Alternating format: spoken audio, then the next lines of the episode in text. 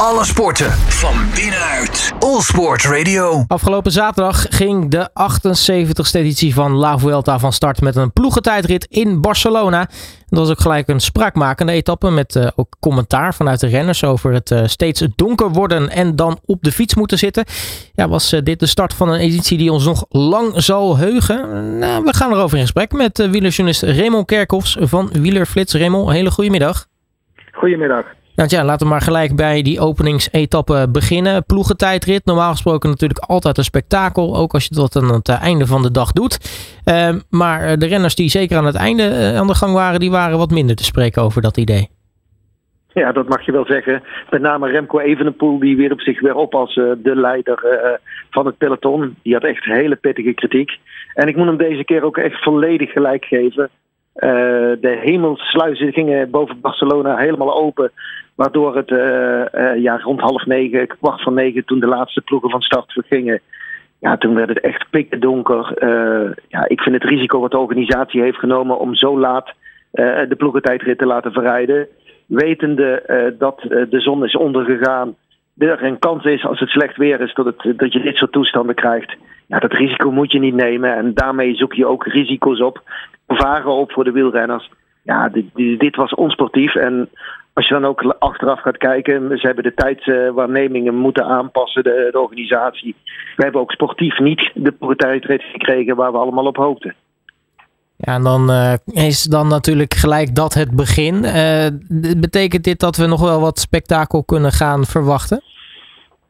Ja, dit staat los van, uh, van de rest natuurlijk van de Vuelta. Uh, de rest, uh, de, de, komende weken gaan we gewoon weer op normale tijdstippen finishen. Het is eigenlijk altijd met die openingstijdrit dat, dat ze bij de Vuelta wat rare dingen willen doen. meestal is het een ploegentijdrit. Ik kan me ook wel eens herinneren dat ze ooit midden in de zee een startpodium hadden gemaakt. En toen ja. in een glibberig en glad de aanloop eigenlijk het vasteland moesten bereiken ja, alles voor het plaatje. Wat dat betreft uh, zoeken ze wel altijd de, de, marketing, de commercie op om, uh, om de mooie plaatjes te maken. Maar ja, ik denk toch dat je het sportieve voorop moet laten staan. En dat is in Barcelona absoluut niet gebeurd afgelopen zaterdag. Ja, wat, wat voor een editie is dit eigenlijk van, van de Vuelta? We gaan natuurlijk nu beginnen met etappe 3, dus we zitten nog relatief aan het begin. Maar als je de, de deelnemers, de favorieten bekijkt die vooraf op het lijstje staan, wat voor een editie wordt dit?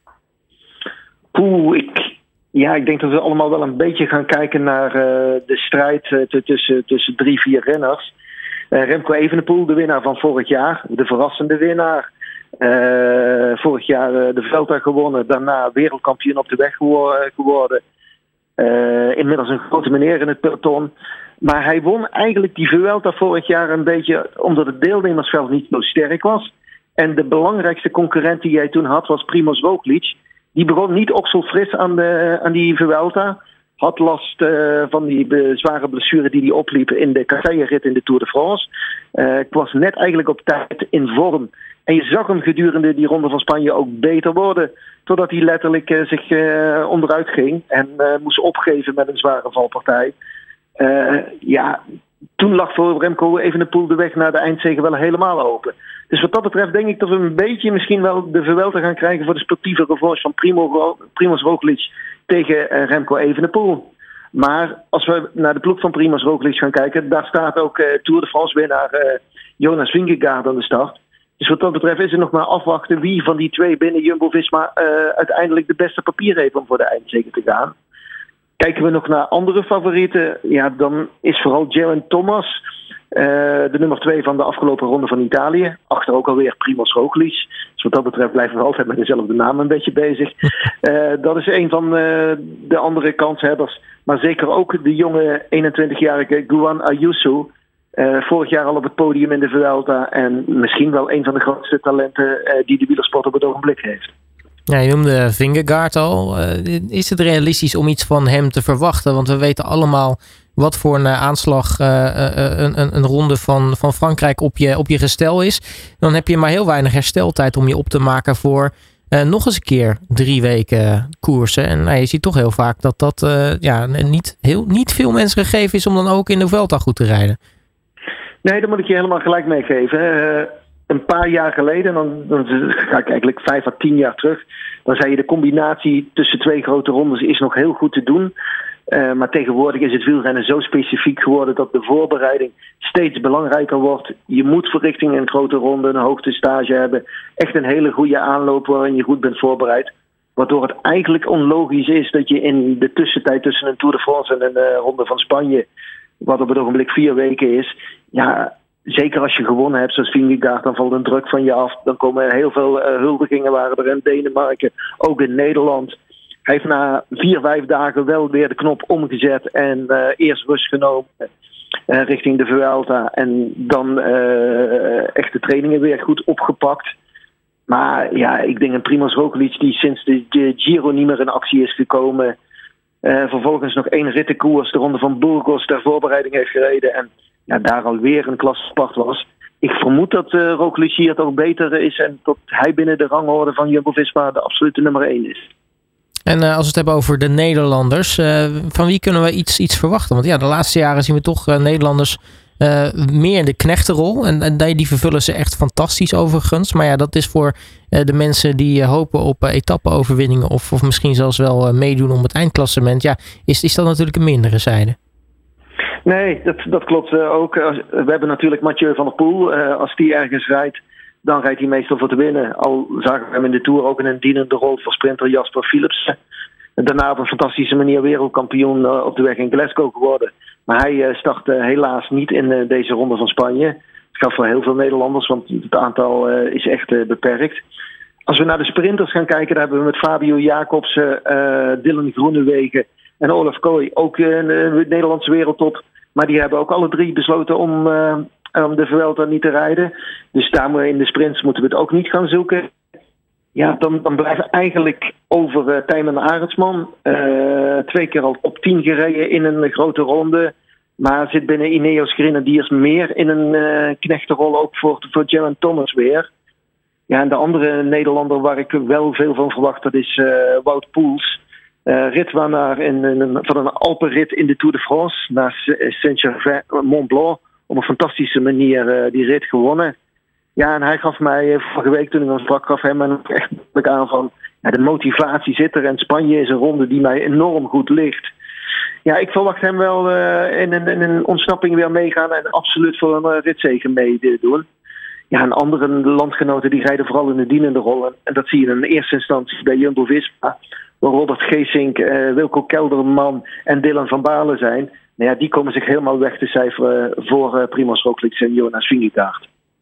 Nu uh, hadden we de eerste etappe al besproken. Die was wel veel besproken. De, etappe van zondag, etappe 2. dat was ook nog wel eentje om over na te praten. Want nou ja, normaal gesproken zouden we daar toch wel de, de favorieten vooraan vinden. Maar ja, noodweer. Er werd uiteindelijk gezegd, nou we stoppen met de tijd uh, 9 kilometer voor de finish. En degene die daarna uh, nog spectaculair willen doen, die mogen, dat, die mogen dat op eigen risico doen. Dus het werd ook een beetje een, een gekke, gekke, gekke etappe gisteren. Ja, ik heb beelden gezien die wij absoluut niet kennen uit Barcelona. Van straten die veranderden in kolkende rivieren. Dus wat dat betreft is het echt een enorm noodweer geweest wat de, de Catalaanse hoofdstad twee dagen lang heeft geteisterd. Ik denk dat het een verstandige beslissing is geweest. In de finale zat nog de klim van de Montjour. bekend van de Olympische Spelen in, in Barcelona 1992 ja, dat zijn de wegen zijn daar toch uh, smal. De wegen zijn daar uh, met veel keitjes. Uh, echt zo'n stadsparcours. Ja, als, als je daar in de, in de regen ligt, rijdt, dan zit je vaak ook nog wat er olie, resten van banden op de, op de straat zijn. Waardoor het heel gevaarlijk wordt. En ja, je zag ook sommige renners op rotondes. Ja, ze, ze stuurden een beetje niet van de rechte lijn af en, en ze gingen al onderuit is een teken dat het eigenlijk zo glad als, uh, als, als, als, als, zich op ijs uh, begaven. Dus ik vind het wel een hele verstandige keuze wat de organisatie daar heeft gedaan. En dan uh, mogen we vandaag naar Andorra toe. een van de, de landen die de Vuelta aandoet dit, dit jaar. Gelijk natuurlijk dan bergen. Want nou ja, we weten Andorra ligt natuurlijk op hoogte. Krijgen we vandaag dan eigenlijk misschien een beetje de eerste normale etappe? Ja, vandaag moet echt iedereen met de billen bloot al direct. Er zitten twee calls van de eerste categorie, waarbij de finish ook op een, call van de eerste categorie is. Nou, als je naar Andorra gaat, het is zoals je net zelf zegt, er is geen meter vlak. Ja, we gaan gewoon, dit is gewoon een echte bergrit. En nu weten we wel vaak dat er in, in de eerste week, wanneer de renners een echte bergrit krijgen, dat er nog wel een beetje verstoppertje wordt gespeeld. Maar ja, iemand die zich goed voelt, die gaat het zeker proberen. En ik ben ervan overtuigd met, met renners als Primoz Roglic en Remco Evenepoel... die eigenlijk alle kansen grijpen om uh, toe te slaan... Ja, dat die vandaag uh, echt uh, vuurwerk kan laten zien. En stiekem reken ik ook wel een beetje op Robert Geesink. ik had hem ook vorige week aan de telefoon. En toen gaf hij aan dat het parcours eigenlijk vrijwel langs zijn huis in Andorra komt. En dat dat toch wel een extra motivatie voor hem is om zich in deze rit te laten zien. Oeh, nou, dat zou mooi zijn. Dat, dat klinkt als een, een mooie belofte die je hopelijk uh, Geesink dan vanmiddag gaat, gaat in, inlossen. Raymond Kerkhoffs van uh, Wielerflits, mag ik je hartelijk danken voor het ons bijpraten. En natuurlijk ook heel veel plezier met deze Vuelta. Dankjewel. Alle sporten van binnenuit. All Sport Radio.